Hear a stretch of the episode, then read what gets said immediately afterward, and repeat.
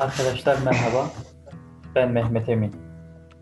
Bardağın dolu tarafına hoş geldiniz. Yanımda Niyazi var. Niyazi merhaba. Merhaba Mehmetçim. Herkese merhabalar, iyi günler diliyorum. Güzel bir gün geçirmek dileğiyle. Niyazi'm ikinci programımızda sana bir hikaye okumak istiyorum. Hı hı. Hikaye benim için de bir ilk olacak. Daha önce okumadım.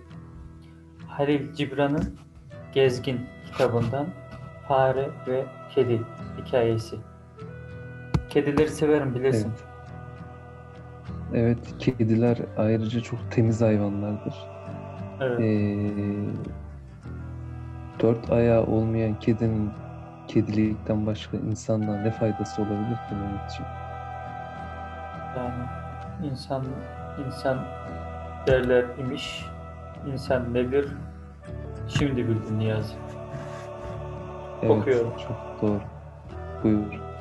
Fare ve kedi. Günlerden bir gün bir akşam vakti bir ozanla bir köylü karşılaştılar. Ozan mesafeli, köylü ise utangaçtı. Yine de lafa daldılar. Köylü dedi ki, İzninizle yakınlarda duyduğum küçük bir öykü, öyküyü anlatacağım size. Farenin biri kapana kısılmış.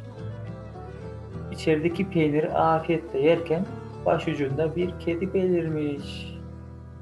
Fare bir süre tir tir titremiş. Ama sonra kapanın içinde güvenlikte olduğunu fark etmiş. O zaman kedi şöyle demiş. Yediğin son yemeğindir dostum. Burada kedi de nasıl olsa elime düşeceksin demiş. Evet diye yanıtlamış fare. Bir tek canım var benim. Dolayısıyla da bir tek ölümüm. Ama sana ne demeli? Dokuz canlı olduğun söylenir hep. Bu aynı zamanda dokuz kez öleceğin anlamına da gelmez mi? Fareye bak.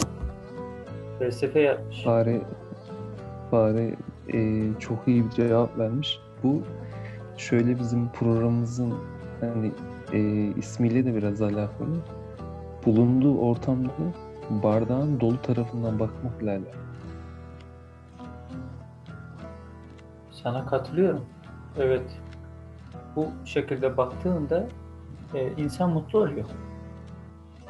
Tabii ki de. Yani şimdi şöyle bir kez ölmek var, bir de dokuz kez ölmek var.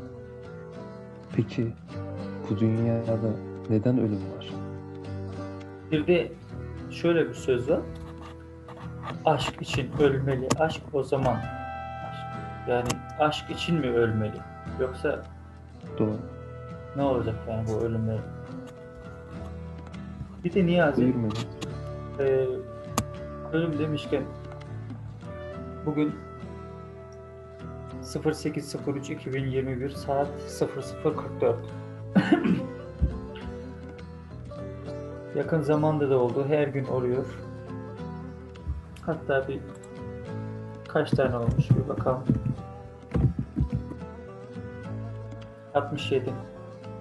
2021 yılına girdikten sonra 67 kadın öldürüldü. Ben aslında ölümü cinsiyeti cinsiyet olarak ayırmıyorum. Yani kadın öldürülmüş, erkek öldürülmüş. Bir cinayet Canlı işlenmiş. öldürülmüş. Bir canlı öldürüldü. Evet. Çok üzücü. Çok üzücü Niyazi. Yani şöyle, e, öncelikli olarak Dünya Emekçi Kadınlar Günü'nü kutluyoruz. Evet. Lakin bunu kutluyoruz. Hani neden biz ülkemizi e, belli bir demokrasi seviyesinde ve hukuk seviyesinde yaşayamıyoruz? Bunun burukluğu içerisindeyiz. Neden kadınlarımız eziliyor? Daha sonra canlıların eziliyor. Bunun burukluğu içerisindeyiz. Ee, inşallah biz de o demokrasi rüyalarımızla uyuduğumuz günlerin sabahında o rüyalardan gerçeğe uyanırız. Niyazi'cim eee, yani inşallah gerçeğe olur ama e, ben bunun bir uykudan uyanıp da gerçekleşeceğini düşünmüyorum. Bir hareket Şöyle- olmalı, bir şeyler olmalı ama Ee, ne yazık ki bunun olacağına da insanların ümidi az gibi görünüyor şu an. Yani eee, bu tarz etkileşimler tabandan tavana yayılan şeylerdir. Eee, kitleler veya topluluklar, milletler genelde zihniyet ve eee, düşünce babında nasılsa öyle yönetilirler. Bunun için ilk başta bir eee, bizim demokrasi seviyesini yakalayabilmemiz için millet olarak yani eee, bu topluluk için konuşuyorum. Yani eee, belli bir eğitim seviyesine ulaşması lazım. Eğitimden kastım eee, kağıt parçası olan diplomalar değildir. Benim Evet. eğitim diye kastettiğim şey eee, aileden başlayan temel İnsanın kendi eğitimler- kendine eğitmesi değil mi? yani insanın kendi kendine eğitmesi, demokrasi bilincine ulaşabilecek bir eğitim düzenine ulaşmamız lazım ki bizim bu tarz şeylerden kurtulmamız lazım. Şimdi şöyle bir şey var. Ee, bizde erkeklerde şöyle bir şey vardır. Genelde bilinçsiz erkeklerden veya e, hayatta tatmin olamamış veya şöyle söyleyeyim hayatta e, sayılmamış, sevilmemiş insanlar şiddete çok meyillidir. Yani şiddette bir arayış içerisindedir. Şiddette bir farklılık oluşturmak ister. Şiddette kendine bir kimlik, kimliğe oturtturmak ister. Bizim toplum olarak yani yeni yetişen nesiller için bu kimlik arayışın daha farklı noktaları taşıyabilirsek e, daha güzel yerlere gelebileceğimizi düşünüyorum. İnşallah. Ve senin söylediğinden şunu gördüm. Ne kadar çok sevilmeyen insan varmış ya ne yazık. Tabii ki de. Şimdi şöyle e, bilirsin benim biraz hayatım. Hani Orta Asya'da bulundum. E, Avrupa'da bulundum bir dönem. Bir dönem e, Suriye tarafında bulundum. Buralarda bizim benim kendi acizane gözlemlerimi biraz aktarmak isterim. Şu şekilde eee şimdi mesela ben Orta Asya'da Afganistan'da bulundum. Bir 6 aya kadar falan bulundum. Yani orada bakıyorsun batılı ülkeler oranın kaymağını yerken o coğrafyanın ins- insanı sefalet içinde. Lakin bunun suçu o batılı ülkelerin suçu değil. O coğrafyada yaşayan insanların suçudur. Oradaki e, eğitim seviyesinin ve yozlaşmanın zamanla önüne geçememesinin sonucudur o toplumun. Şöyle söyleyeyim, e, mesela 1979 yılına kadar Afganistan belli bir seviyede demokrasiyle yönetiliyor. Evet. Ondan Eski sonra fotoğraflarını belli ben de gördüğümde şaşırmıştım. Evet.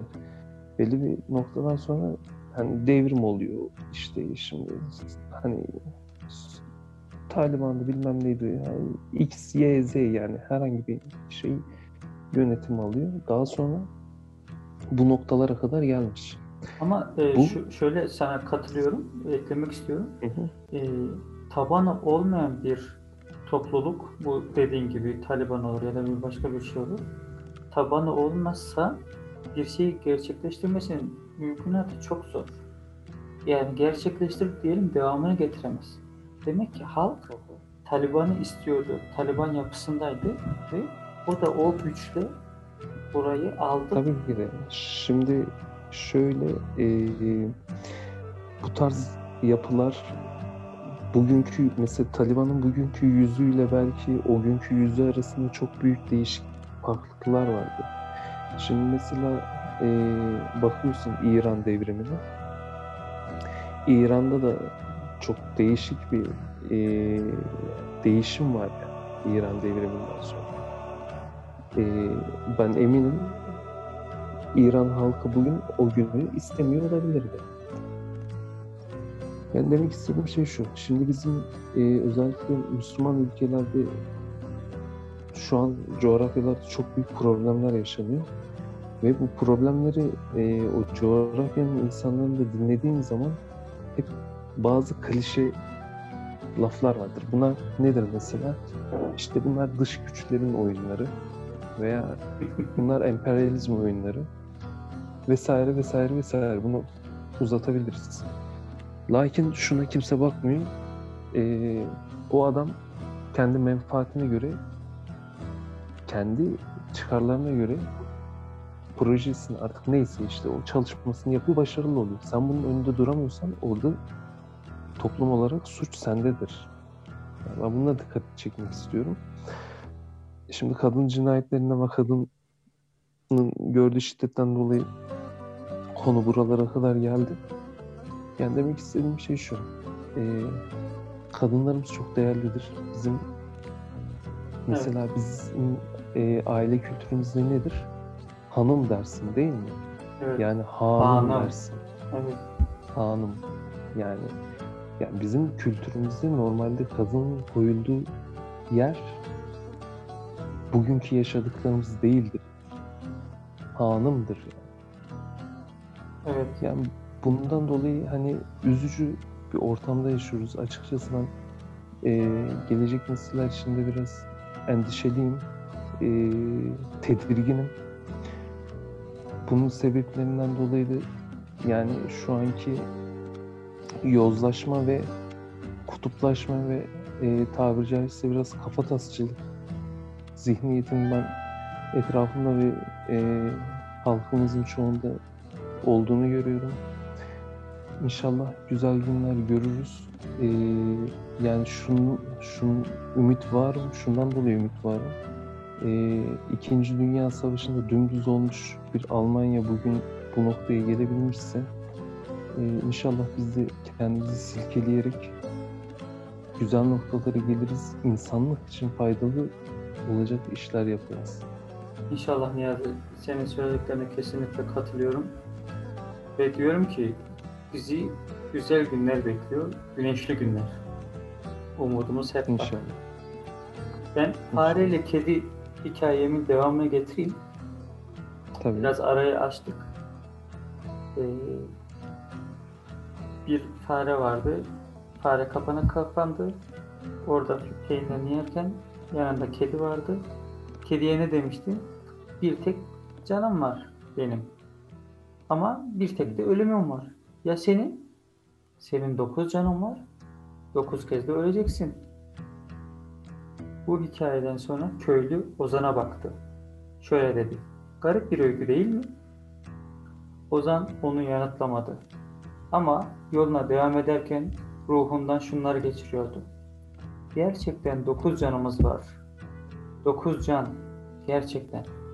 Ve dokuz kez öleceğiz. Öleceğiz dokuz kez. Belki tek bir cana sahip olmak ve kapana kısılmış olmak daha iyidir. Son yemeği bir parça peynir olan bir köylünün canına. Ama yine de çölün ve ormanın aslanlarına akraba olan biz değil miyiz?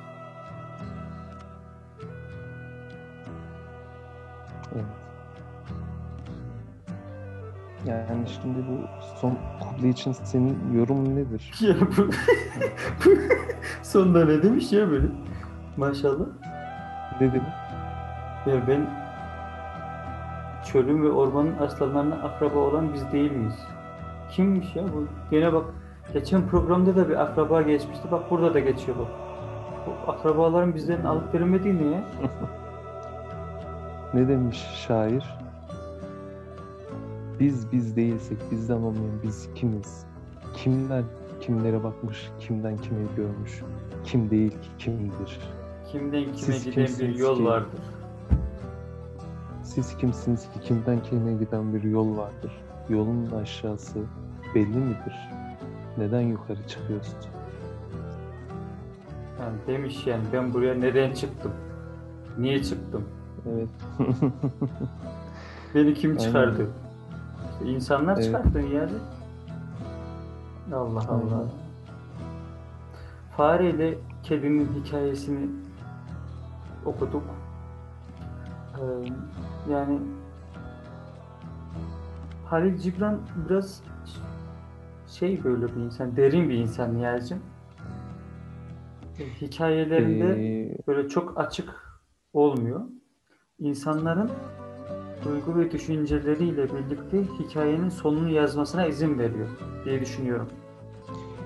Şöyle Halil Cibran eee, yani döneminin ressam, şair ve filozofudur yani. Eee, Halil Cibran bir şeyi tam net ortaya koyarken düşündürüyor ve perdelerin arkasındaki şeyi ulaşmasını istiyor insanlar biraz daha. Eee, ben biraz Halil Cibran'dan da bahsedeyim. Hani belki dinleyenlerimiz bilmiyordur. Bilenler de vardır tabii ki de. Eee Halil Cibran Lübnan asıllı Amerikalı bir ressamdır. Ee, şair ve filozof kendisi. Ee, kendisi şöyle söyleyeyim, Osmanlı 1883 yılında doğuyor. Ee, Osmanlı İmparatorluğu o zaman Lübnan'da. Ee, kendisi çok derin bir insandır.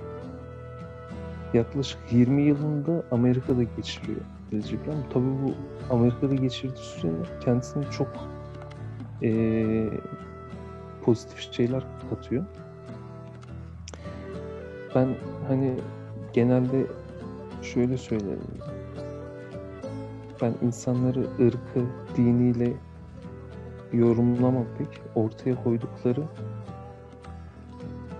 eserlerle, insanlar ne bıraktıklarıyla alakalı biraz yorumlarım. Yani Halil Cibran bende güzel duygular bırakmıştır her zaman. Hani dinleyicimiz de dinleyicilerimiz de bunu araştırmak isterse bu kitaplarını veya o konularını Halil Cibran bence kayda değer bir konudur. Yani çok enteresan hikayeleri vardır. Kendi hayatıyla da alakalı çok enteresan hikayeler vardır. Evet. Ee, Batı dünyasında hikayeler mesela- bitmez.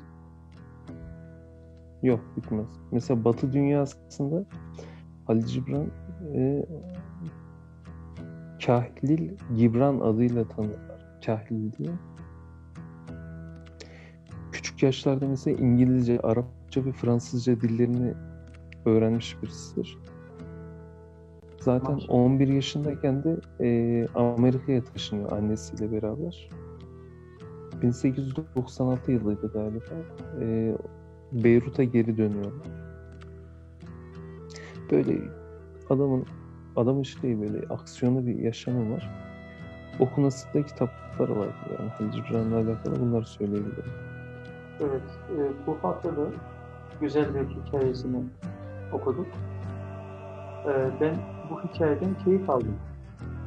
Kedinin miyav demesi, farenin ona sen kimsin, dokuz canım var demesi, dokuzunda al git demesiyle birlikte hikayenin bambaşka Evet. boyuta ulaşması ardından filozofun ben bu köye nereden geldim demesiyle son buluyor.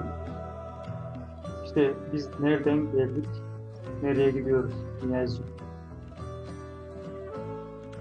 Nereden geliyoruz, nereye gidiyoruz? Evet, Ne demişler? Varlığımızın değerini bilmeyen yokluğumuza terbiye ederiz demişler. evet, çok güzel bir e, kapanış mesajıydı bu Niyazi'm. E, bu mesaj dağlara, taşlara, uçan kuşlara gelsin diyorum. Ve e, sevgili seyircilerimiz, dinleyicilerimiz, arkadaşlarımız, yoldaşlarımız kendilerine iyi baksın. Mehmetciğim, sağlıkla müsaade ederseniz bir son bir cümleyle bağlamak isterim ben de. Tabii. Bağ validen huruç edip çıkarken indiğin yola bakamazsın. Baktığın yerden bağ valiyi göremezsin. Herkes esen kalsın. Kendinize iyi bakın.